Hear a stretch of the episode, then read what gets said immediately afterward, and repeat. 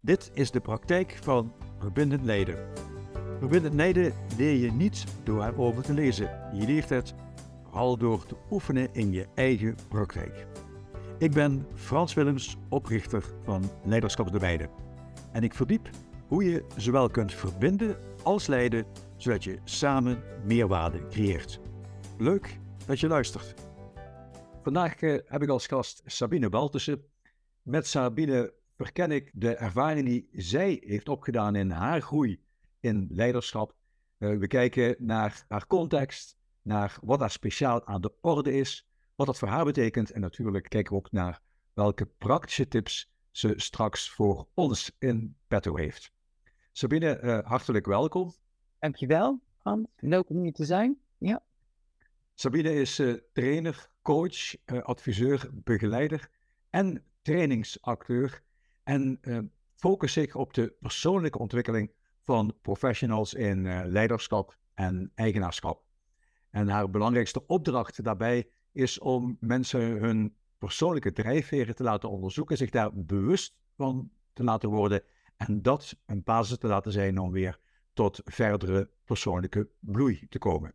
Sabine leest graag, gaat uh, graag naar theater en ze is op dit moment op zangles en ze leert daar hoe ze haar stem anders kan gebruiken.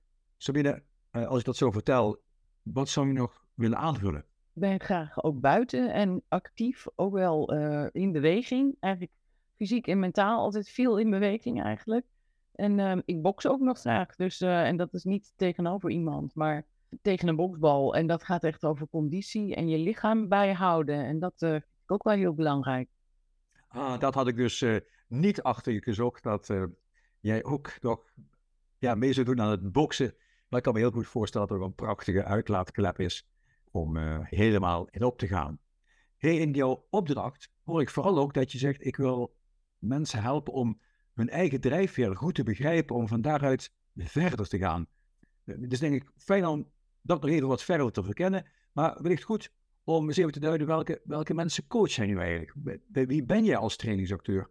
Wat zijn dat eigenlijk voor, voor opdrachten, voor vraagstukken waarin jij vooral actief bent? Um, ja, het zijn vooral, eigenlijk heeft het te maken met mensen die vast kunnen lopen in hun werk. En dan krijg ik van opdrachtgevers deze mensen toebedeeld. In de zin van wil je eens met hun in gesprek om eens te kijken waar het hem in zit. Hoe ze verder geholpen kunnen worden. Dus dat is vaak nog voordat ze uitvallen. Dat is een, uh, zeg maar een, een doelgroep waar ik veel mee werk. Maar ook mensen die in opleiding zijn, die moeten leren of die mogen leren om meer met hun communicatie te gaan spelen en zich veel bewuster te zijn van hoe ze communiceren. En dan kom je natuurlijk al heel snel, ja, je communiceert op een bepaalde manier vanuit een bepaalde drijfveer. Dus ik zit ook veel als trainer, dat ik dan bezig ben met hun ja, besef wie je bent en hoe je de dingen doet en hoe dat ook over kan komen. En daarnaast is het ook uh, als een organisatie, een wat kleinere organisatie, een, een beweging wil maken in bijvoorbeeld een stukje anders samenwerken dan, dan word ik ook gevraagd om daarin mee te bewegen en te kijken van nou, wat is hier nou nodig? En um, wat ik dan vooral doe eigenlijk is dat ik heel erg terug ga naar de kern en naar de medewerker zelf. Wat heeft hij nodig? Bijvoorbeeld, er moet een matrixorganisatie worden ingevoerd. En dat is allemaal mooi en dat is allemaal heel hoog en bovenover. Maar dan zeg ik altijd ja, maar wat heeft die, die medewerker daar dan in te doen? En hoe kun je dat zodanig vertalen dat die medewerker ook begrijpt wat er eigenlijk van hem verwacht wordt. Want dat wordt heel snel ja, ergens opgelegd. En dan is het voor degene die dat willen heel duidelijk.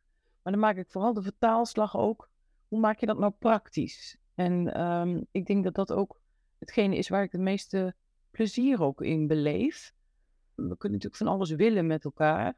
Maar dat je dan ook kijkt, hoe zet je dat nou praktisch neer? Wat kun je er dan mee? Dan alleen het gedachtegoed hebben en dan denken, nou ja, we gaan het uitvoeren. En, en nou, die medewerker moet zo en zo. Maar ja, hoe ziet dat dan voor die medewerker uit? Dus ik ga eigenlijk altijd naast de medewerker staan, denk ik. Om mee te kijken van, wat heb jij dan nodig? Wat kan er voor jou werken? Wat is voor jou relevant? Je werkt dus eigenlijk op heel verschillende fronten. Aan de ene kant heb je medewerkers die tegen een burn-out aanlopen, waarmee je in gesprek gaat. Aan de andere kant heb je de opdracht om te kijken hoe bepaalde bedachte veranderingen in denken en handelen van medewerkers, hoe dat in de praktijk gebracht kan worden. En jij, je zegt dan, het helpt enorm om te kijken naar de drijfveren van mensen, om te zorgen dat mensen zich daarvan bewust worden, om van daaruit te kijken wat dat van hen vraagt. Neem ons eens mee in hoe dat uitpakt, bijvoorbeeld voor mensen die bijna tegen een burn-out nou, iemand die dan bij mij komt en, en zeg maar ja, helemaal tot hier zit, zeg ik dan wel eens. Dan ga ik eerst eens, ik, ik zeg altijd van, nou, ik volg jouw tempo, maar ik zorg wel dat we bewegen. En ehm, dat is eigenlijk wat het ook van mij vraagt. Hè? Dus ik ga, niet, uh, ik ga geen druk zetten, want dat is hetgeen wat sowieso niet werkt. Ik geef vooral heel veel ruimte. En ruimte in de zin van, je mag er zijn, alles wat er is is oké hoe ben je hier nou beland? Dus dan gaan we ook wel samen onderzoeken wat er in je leven zoal plaatsgevonden heeft. Waardoor hier misschien een trigger ook uh, te vinden valt waarom dit gebeurd is. Zodat ze het beter kunnen begrijpen. Want ze vinden het natuurlijk helemaal. Ze zeggen ook altijd: het gebeurt mij gewoon niet. Dat, ik dacht altijd dat het bij anderen gebeurde. En wat ik dan doe, is het verkennen van uh, hun achtergrond. Waar komen ze vandaan? Uh, wat hebben ze meegekregen? Wat is hun normenwaardepakket? Maar dan niet vanuit wat ging er allemaal mis. Maar dan maak ik een overzicht met ze en dan ga ik kijken welke kwaliteit droeg je toen al. En die zette je toen al in, omdat je, dat kan een overlevingsmechanisme zijn, maar het kan ook gewoon zijn omdat je er goed in bent. En dan ga ik al vergaren van, kijk eens wat er allemaal is. En dat is vaak al een enorme opening voor hunzelf. Dat ze denken, nou, daar heb ik er nog nooit naar gekeken. En wist niet dat ik dat al in me had. En, en dat ga ik dan ook natuurlijk, dat is niet zo dat wij dat dan bedenken. In eerste instantie wel, maar dat gaan we ook bevestigen. Laten bevestigen, om te kijken of dat dan ook klopt. Door andere mensen hun feedback te laten geven. Dus dan mogen ze vragen, vijf kwaliteiten, en dan mogen ze een tip vragen. En daar zeg ik altijd bij, en daar moeten ze een voorbeeld bij geven. Dus het moet wel concreet teruggeschreven worden. En niet van, ja, ik vind je zo stressbestendig. Nee, waarin heb je dat mij zien doen? Waarin heb je mij dat horen zeggen? En die voorbeelden eh, zeg ik altijd, is dat waar? Dan zeggen mensen, ja, dat is ook zo. Nou, en dan zeg ik ook, nou, dat kun je niet meer ontkennen, hè, als ik het even heel zwart-wit zeg, dat dit over jou gaat. En dan beginnen dingen al te vallen. Dan denken mensen, zo heb ik er nog nooit naar gekeken, wat grappig dat mensen zo naar mij kijken. En wat fijn dat dit er eigenlijk allemaal al is. Nou, dan gebruik ik nog meer uh, oefeningen en opdrachten die ze uitzetten. Maar vooral om hun wat ruimte te laten geven om te mogen zijn wie ze zijn. Ja, het lijkt ook een beetje wel dat het... Ja, het komt ook een beetje als uh, herwonen op basis van een soort waarderend onderzoek wat je, wat je met de mensen doet. Onderzoek naar, ja, wat deed je al goed, wat, wat, wat zijn je talenten en vervolgens ja, de feedback daar van anderen ook voor gebruiken. Kun je zeggen wat voor resultaten dat oplevert? Het geeft in ieder geval enorm veel zelfvertrouwen. Dat is altijd wat, er, wat erbij komt. En dat, ze worden zich bewust van allerlei onbewuste zaken. Dus dat is wat het sowieso brengt. En dat te zien indalen en ook, ja, dat zeggen ze dan ook van, ja, ik, ik voel me eigenlijk al wat, wat, wat beter. Dat wil niet zeggen dat, het, dat ze er al zijn, maar dat is wel het begin. En dat ze dus meer naar zichzelf kijken wie ze echt zijn. En wat ze ook brengen. En die tips, die zijn er natuurlijk ook. Maar die mogen dan in verhouding zijn met die, die kwaliteiten. Dus ik vraag geen drie tips. Nee, iedereen mag één tip geven. En dan gaan we kijken, wat zou je daar nou mee willen? En je dat ook? En wil je daar stappen in maken, ja of nee? Dus wat het opbrengt is eigenlijk altijd zelfvertrouwen. Een stukje ook mogen voelen en mogen zijn wie ze zijn. Oké, dat, is, dat is één kant van, uh, ja, ik heb maar even één kant van jouw verhaal. Het is natuurlijk veel diverser, maar ik heb ze even aan elkaar gehaald. Mensen die, die te maken hebben met een burn-out of een dreigende burn-out. En aan de andere kant ben jij ondersteunend op het moment dat, dat bestuurders, directeuren een idee hebben over de vraag wat hier nu de gewenste cultuur is. Hoe wil je graag dat mensen aan de slag gaan, vanuit welke overtuigingen, eh, wat, wat zijn de do's en de don'ts. Daar hebben mensen beelden bij en dan ga jij daar een rol bij vervullen. Wil, die eens toelichten? Die rol is eigenlijk, dat is een beetje ook ontstaan. Bij mij ontstaat er heel veel organisch, moet ik zeggen, ook deze rol. Maar dat is wel wat ik, eh, wat ik altijd heel leuk heb gevonden, of integrerend heb gevonden, is eh, hoe het nou kan dat er zoveel boeken geschreven worden, dat er zoveel uh, bekend is over hoe, hoe organisaties in elkaar zitten en wat er goed is voor de mensen en de medewerkers. En dat dat blijkbaar toch heel moeilijk is om dan ook te doen. Dus wat ik eigenlijk zie is, wat ik voor rol speel is, of wat ik voor rol neem, hè, want ik speel hem natuurlijk niet. Ik neem die rol waarin ik zeg van, goh, dit is wat jullie willen. Hoe ziet dat er dan uit in de praktijk? En dan gaat het eigenlijk altijd over, um, wat willen de medewerkers? Hoe kunnen zij daar verbinding leggen? Hoe kunnen ze beter samenwerken? Want daar begint het. Daar, dat is gewoon de werkvloer. Ik hou heel erg van op de werkvloer zijn. Op, op, gewoon met mensen samen kijken wat er gebeurt, waar ze tegenaan lopen, wat er allemaal in hun werk, wat ze zelf tegenkomen. En hoe je daar, nou ik zou bijna willen zeggen, verlichting in kunt vinden door het meer met elkaar te doen. En daar zit ook dat verbinden natuurlijk. Waarom ik natuurlijk ook uh, verbindend leiderschap uh, zelf ben gaan doen. Want het is niet dat ik mensen aanstuur, maar um, ik ga met ze kijken. Dus ik ga, er, wat ik zeg, ik ga naast ze zitten en, en kijken van, goh, hoe kijk jij er dan naar? En wat, wat zou er dan kunnen? Hoe kunnen we daar beter in samenwerken? Maar dat komt wel uit hun. Ja, begrijp ik dan goed dat je zegt, nou, vanuit het bestuur, vanuit de leiding wordt gezegd, het is nodig dat we veel meer gaan samenwerken. En dat jij dan zegt, oké, met, met die opdracht ga ik naar de werkvloer toe en ik ga gewoon met de mensen praten over hoe ze dat zelf zien. Ja, en daar gebruik ik wel uh, ook wel methodieken voor. Dus ik gebruik ook wel uh, een opdracht of ik gebruik een model. En, en dan hang ik dat om te kijken. Maar dat vertaal ik wel heel praktisch naar hun eigen directe ervaringen en praktijk. Ja, ik ben nu ook wel heel benieuwd naar zo'n voorbeeld daarvan. Van, als je zegt, nou, ik vertel heel praktisch, dan uh, nou, laat maar eens komen. Kun, je iets met ons delen daarover? Over teamvormen, dan, dan gebruik ik bijvoorbeeld de piramide van Lencioni. Van nou, uh, hoe, hoe gaan jullie om met elkaar en, en hoe zit het met jullie vertrouwen onderling? En uh, wat daar heel mooi aan is, heb je gewoon een bepaalde oefening die je kunt gebruiken, waarin ze zichzelf gaan scoren en dan met elkaar gaan kijken. Uh, oh, ik dacht, ik keek er zo naar. Oh, jij kijkt er zo naar. En dat dan verhelderend is om met elkaar daarover te hebben, hoe je dat dan misschien anders kunt zien, of uh, anders kunt gaan ervaren, of het misschien anders kunt gaan doen. Ja, bedoel je dan bijvoorbeeld in die, in die vijf fases van Lencioni, je zit die eerste fase is de fase van, ja, ben je open en kwetsbaar naar elkaar toe? Dat mensen dan aangeven, dat ene aangeeft van, ja, ja, zeker, we zijn heel open en kwetsbaar, en dat iemand anders zegt, nou, ik ervaar dat niet zo. Ja, ja. Dan, ja. Dan, dus, dan ligt het ook op tafel. Dat is denk ik hetgeen wat wat ik het meeste doe, is dat ik, ja, ik zeg altijd, hetgeen wat onder de tafel ligt, leg ik gewoon erop.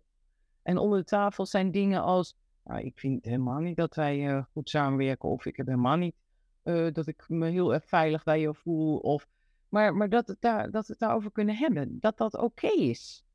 En het grappige is dat mensen eigenlijk altijd zeggen, ja, je legt het op tafel alsof het, alsof het gewoon inderdaad, alsof dat gewoon allemaal besproken mag worden. En dan wordt het dus ook vanzelfsprekend dat je het bespreekt. En ik denk dat dat wel ook wel mijn kracht is. En dat ik dat ook heel leuk vind. Om, en daar ook niet veel bezwaren zie. En dan kun je natuurlijk denken, ja, maar er zijn mensen die natuurlijk wat gevoeliger zijn. Zeker, daar hou ik ook rekening mee. Maar dat, je kunt er wel samen naar kijken. Ja, dus ik zie ook nu al dat verband tussen dat individu waar we het net over hadden, die bij die burn-out in de buurt zit, naar, naar het team dat, dat, dat wil groeien of waarvan de vraag is om, om te gaan groeien dat je ook in dat geval eigenlijk ja, gaat benoemen wat is, dat je gaat verkennen wat is en dat je ja, ook deelt en bespreekbaar maakt ja, hoe iedereen erin zit en dat dat er mag zijn.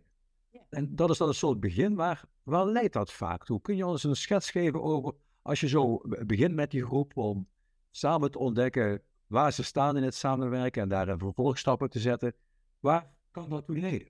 Het brengt meestal sowieso meer openheid, met elkaar. Het meer durven om dingen op tafel te leggen.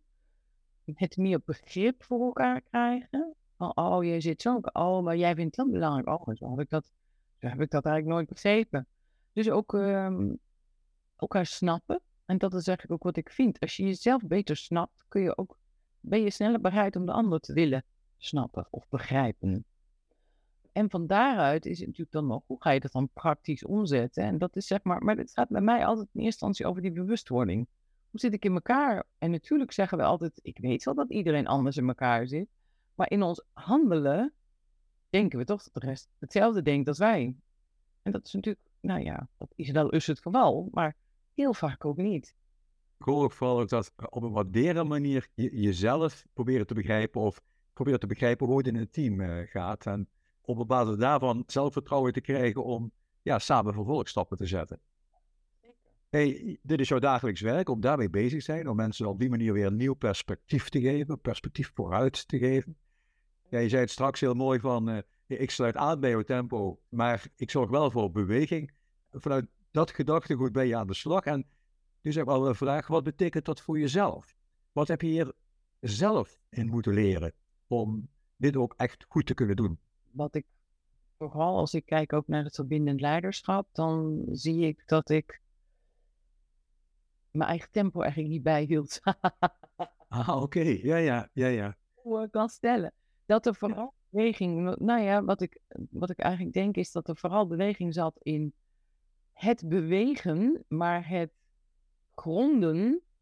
Dus wat doe ik dan met die beweging? Of hoe plaats ik die? Ik kon altijd heel veel halen en ik, ik doe ook nog steeds elk jaar weer of een nieuwe opleiding of een nieuwe cursus. Of, omdat ik dat heel belangrijk vind om kennis te vergaren. Maar ik kreeg eigenlijk, ik hield mijn eigen tempo niet bij in dat naar me toe halen. En wat doe je er dan mee?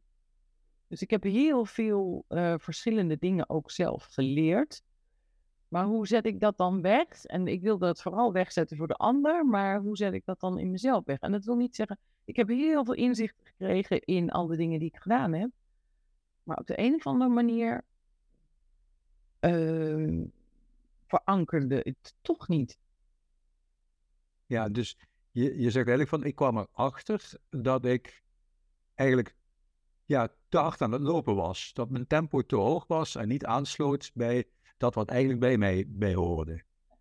En, en wat heb je daarmee gedaan? Hoe heb je dat zeg opgepakt? Ja, hoe heb ik dat opgepakt? In, vooral in vertragen, denk ik.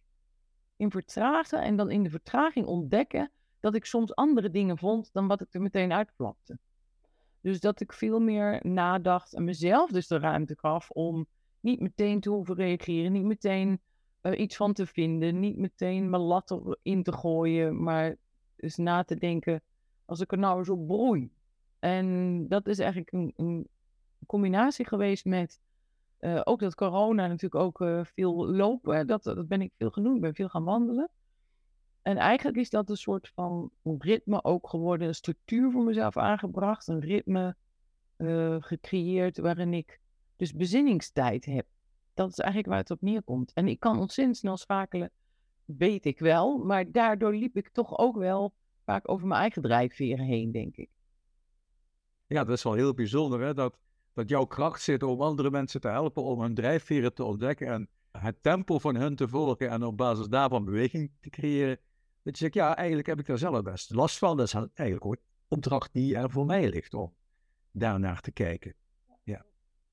Wat heeft je daar vooral in geholpen? Om je eigen tempo weer te volgen? Tot die vertraging, denk ik.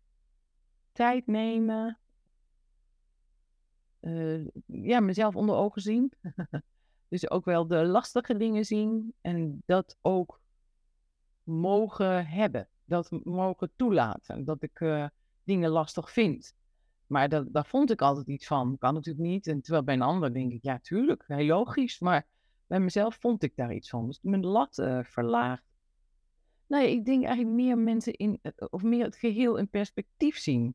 Ik denk dat dat het is, dat ik mezelf ook meer in het perspectief plaats. Ik ben een onderdeel van. Dat klinkt misschien nog vaag als ik dat zo zeg, maar dat, dat op het moment dat ik train of op het moment dat ik iets vertel, dat ik mijn eigen ervaring er meer bij leg. Dus dat ik denk dat ik dat waardevoller ben gaan vinden eigenlijk dat de eigen ervaringen, dat je die in mag brengen, dat je die mag vertellen en dat dat anderen gewoon kan inspireren ook. Aha, ja, ja. Dus je, je plaatst je eerst een beetje erbuiten, of misschien wel helemaal erbuiten. Dus dan bleef je steunend voor de ander, maar je holde jezelf voorbij. En dat heb je beëindigd, maar daar heb je gezegd van nou, dat wil ik niet meer. En eh, wat zijn er momenten waarin het dreigt dat je toch weer uh, dat tempo toch ook opschroeft voor jezelf? Wat zijn uh, obstakels? Obstakels zijn vooral als ik uh, te veel werk. Dus te, te veel in mijn week prop. Ik ben natuurlijk zelfstandig. Dus, dus ik denk, oh, dat kan ook nog wel. Oh, dat kan ook nog wel. En nu denk ik, uh, nou, ik heb vorige week iets afgeschreven. Ik dacht, nou, dat ga ik gewoon lekker aan iemand anders geven. Ik heb daar gewoon geen zin in. En, en niet in de zin van naar die klant toe, maar meer dat ik denk, nee, maar die ander kan dat ook veel beter. Laat die ander het gewoon lekker doen. Dan hoef ik dat dus niet te doen. Nou, dat is, uh, dat wel nieuw voor me. en daar ben ik de laatste periode van mijn leven wel al mee bezig. Dus de laatste twee jaar al veel meer. Maar wat wil ik dan? En moet ik het allemaal doen? Of mag ik gewoon kiezen? En tegen mijn klanten zeg ik, ja, je mag gewoon kiezen. Ja, ja. ja, ja de mensen die je helpt, dan zeg je van, eh, jij kiest. En, uh, en nu zeg je, ja, dat heb ik ook zelf uh, te doen. om daarmee ook je eigen tempo goed weer te kunnen volgen. Ja, ja. en ook voor te zien, denk ik, nou, te zien wat er wel is. Dus ook bij mezelf, ook bij de ander deed ik dat al vrij makkelijk. Maar ook gewoon in het leven, dat je kijkt van ja, uh, um, als je zegt obstakels, als iets saai wordt, dan vind ik dat wel een obstakel hoor. Daar, daar heb ik wel iets mee. daar heb ik eigenlijk niks mee. Maar dan ook te accepteren dat dat oké is. Dat ik dat saai mag vinden en dat het niet morgen opgelost hoeft te worden. En dat het dus even een tijd zo kan zijn. En waar word je nu vooral blij om als je terugkijkt op de beweging die je gemaakt hebt? Uh, met name de acceptatie van mezelf, denk ik. De rust die dat met zich meebrengt. Me veel minder paniek voelen. Paniek in de zin van, hoe moet het dan? En terwijl ik heel nuchter kan zijn en heel rustig kan zijn, maar wel daarop getriggerd kon worden. Als ik het allemaal niet meer zag, dan was het ook allemaal, allemaal heel lastig. En allemaal. Ja. Ja. dat is denk ik het fijnste. Ik ben, maar dat is ook het dubbele. Ik ben enerzijds heel blij dat ik veel meer in, interne rust ervaar bij mezelf. Dat is ook wel wonderlijk om te ervaren eigenlijk. Dat je denkt, ja, ik loop al even mee, maar dat is er nu pas. Um, maar dat is soms ook saai. En ook dat ik denk, hè, mag wel weer wat gebeuren. Een beetje dynamiek is niet gek. Maar dat geeft wel ongelooflijk veel rust. En, en dus ook, ik weet niet of dat meteen plezier is.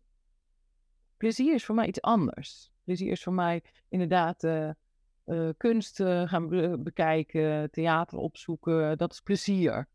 Dat is echt super tof. Dat vind ik echt, daar word ik blij van. Daar raak ik, raak ik geïnspireerd van. Maar ehm, ja, het klinkt eigenlijk heel dubbel dat de rust gewoon iets brengt. En dat is misschien meer, is niet, ook niet voldoening. Het is meer zijn, ik. Als ik het zo hoor, Sabine, dan denk je ook, wauw, uh, wat jij anderen gunt, waarin je anderen in helpt, een reis naar, naar meer zelfacceptatie, naar meer zelfvertrouwen, door vooral ook uh, ja, een, hun eigen tempo te lopen en hun eigen keuzes te maken. Ja, dat is eigenlijk de reis die jij zelf ook gegaan bent. En uh, ja, nu enorme kracht geeft, doordat je ook daardoor uh, dat ook kunt benoemen en kunt delen in, in de gesprekken en in de ontmoetingen die je die je hebt. Laten we eens even kijken waar dat mogelijkerwijs toe leidt. Welke uh, praktische tip heb je voor ons in Ja, ik weet niet of die praktisch is, maar het begint vooral met heb je zelf lief. En dan denk ik, ja, hoe doe je dat dan? Hè? Want dat snap ik dat mensen meteen denken, ja, uh, dat probeer ik wel, maar hoe dan? Het zit hem vooral in een stukje acceptatie en accepteren dat er heel veel misschien niet klopt, maar er heel veel ook wel klopt. En dat dat allemaal naast elkaar bestaat. Hè? Dat dat juist ook jou bijzonder maakt, of uh, misschien iets minder uniek, wellicht ook. Maar dat dat oké is. En uh, ja, ik zou dat, dat zou ik vooral mensen willen gunnen. Dat leer jezelf kennen en heb vrede met wie je bent. Ja, heb jezelf lief. Accepteer wie je bent. Eh, bedenk dat de wereld en jijzelf ook niet eh, perfect is en niet perfect hoeft te zijn. Is er nog een, een stap die je ons zou kunnen toewensen om in die richting te gaan? Nu, vandaag nog of morgen? Wat zouden we kunnen doen daarvoor? Om dat, gevoel, dat idee van heb jezelf lief, om dat in de praktijk te brengen? Ja, het zit hem vooral in gun jezelf de ruimte, denk ik. Dat blijft toch een, eh, een woord dat ook altijd bij mij beeld en om me heen hangt en wat ik anderen ook wel gun. En de stap die je daarin kan doen is, ja, wat ik dan zou zeggen is laat je niet gek maken. Maar dat is natuurlijk ook uh, te makkelijk. Nou, vertraag. misschien is dat wel vertraagd, vooral in deze maatschappij en in het werk en de red race. Vertraagd en, en zoek dingen die je fijn vindt en stop daar niet mee op het moment dat er werkdruk ontstaat of dat er druk ontstaat. Ja, kijk eens. Ja, ja, ja. Dus eigenlijk zeg je, ja, de, ja, doe het zo dat je vertraag. Zoek de dingen op die je fijn vindt. En dan komt hij vooral, denk ik, en stop daar niet mee op het moment dat de druk hoger wordt. Ik denk dat dat een hele mooie praktische vertaling is van iets wat we direct kunnen doen om in de praktijk te brengen. Jouw motto, heb je jezelf lief. Dankjewel, wat een verhaal. Je laat ons heel mooi zien hoe de opdracht die je zelf hebt om mensen te ondersteunen, dat die opdracht eigenlijk heel eh, parallel loopt met je eigen reis die je maakt. En dat het daarbij op neerkomt om vooral ook goed naar jezelf te kijken, naar je eigen drijfveer, naar wat, wat jou bezighoudt. En daarin ook jouw eigen tempo te blijven volgen. En dat vraagt vaak dat we in de wereld die om ons heen zo snel verandert, dat we even vertragen, dat we uh, kiezen voor onszelf, voor dat wat ons boeit. En dat we vervolgens ook in staat zijn om, als die druk te hoog wordt, om uh, dat wat we zelf willen, dat we dat ook vasthouden. Om daarmee, te midden van al die drukte, niet in voortgang te maken. Nu in deze tijd waarin uh, ja, alles zo snel verandert, is denk ik die reflectie, feedback en oefening. Ik noem het vaak de drie sleutelwoorden: reflectie, feedback en oefening uh, cruciaal. Nou, jij laat zien waar dat uh, jou gebracht heeft en waar dat de mensen die je ondersteunt brengt. En ik denk dat iets is waar we heel blij mee mogen zijn. En je stuurt ons op weg. Een heel praktische tip. Vertraag, richt je op wat je eigen keuzes zijn en laat die niet onder druk komen op het moment dat het te druk wordt. Want waarschijnlijk is het dan weer tijd om opnieuw te vertragen. Juist.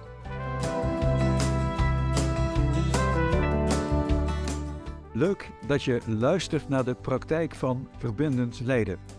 Door op volgen te klikken, abonneer je je vanzelf op deze podcast en zie je automatisch wanneer ik een nieuwe aflevering plaats. Ben je benieuwd hoe verbindend jij bent als leider? Doe dan de test op www.leiderschapsdomeinen.nl en ontvang de tip waarmee je direct zorgt voor meer verbinding. Creëer de beweging die je beoogt. Begin bij jezelf en doe het samen.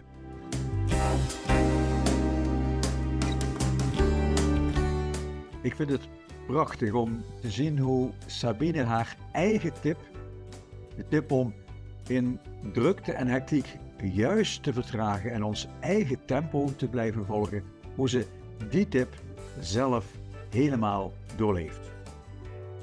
Dit is het twaalfde van 13 interviews die ik gehouden heb met leiders en professionals over hun praktijk van verbindend leiden. Je kunt alle informatie over deze aflevering teruglezen op www.leiderschapsdomeinen.nl slash podcast 12. En dat is gewoon het cijfer 12, dus www.leiderschapsdomeinen.nl slash podcast 12. In de volgende aflevering praat ik met Marcel Hekmans. Hij is directeur bedrijfsvoering en loco gemeentesecretaris bij de gemeente Heerlen. En met hem verdiep ik wat het betekent als je als leider de bedoeling in je werk centraal stelt. Graag tot gauw.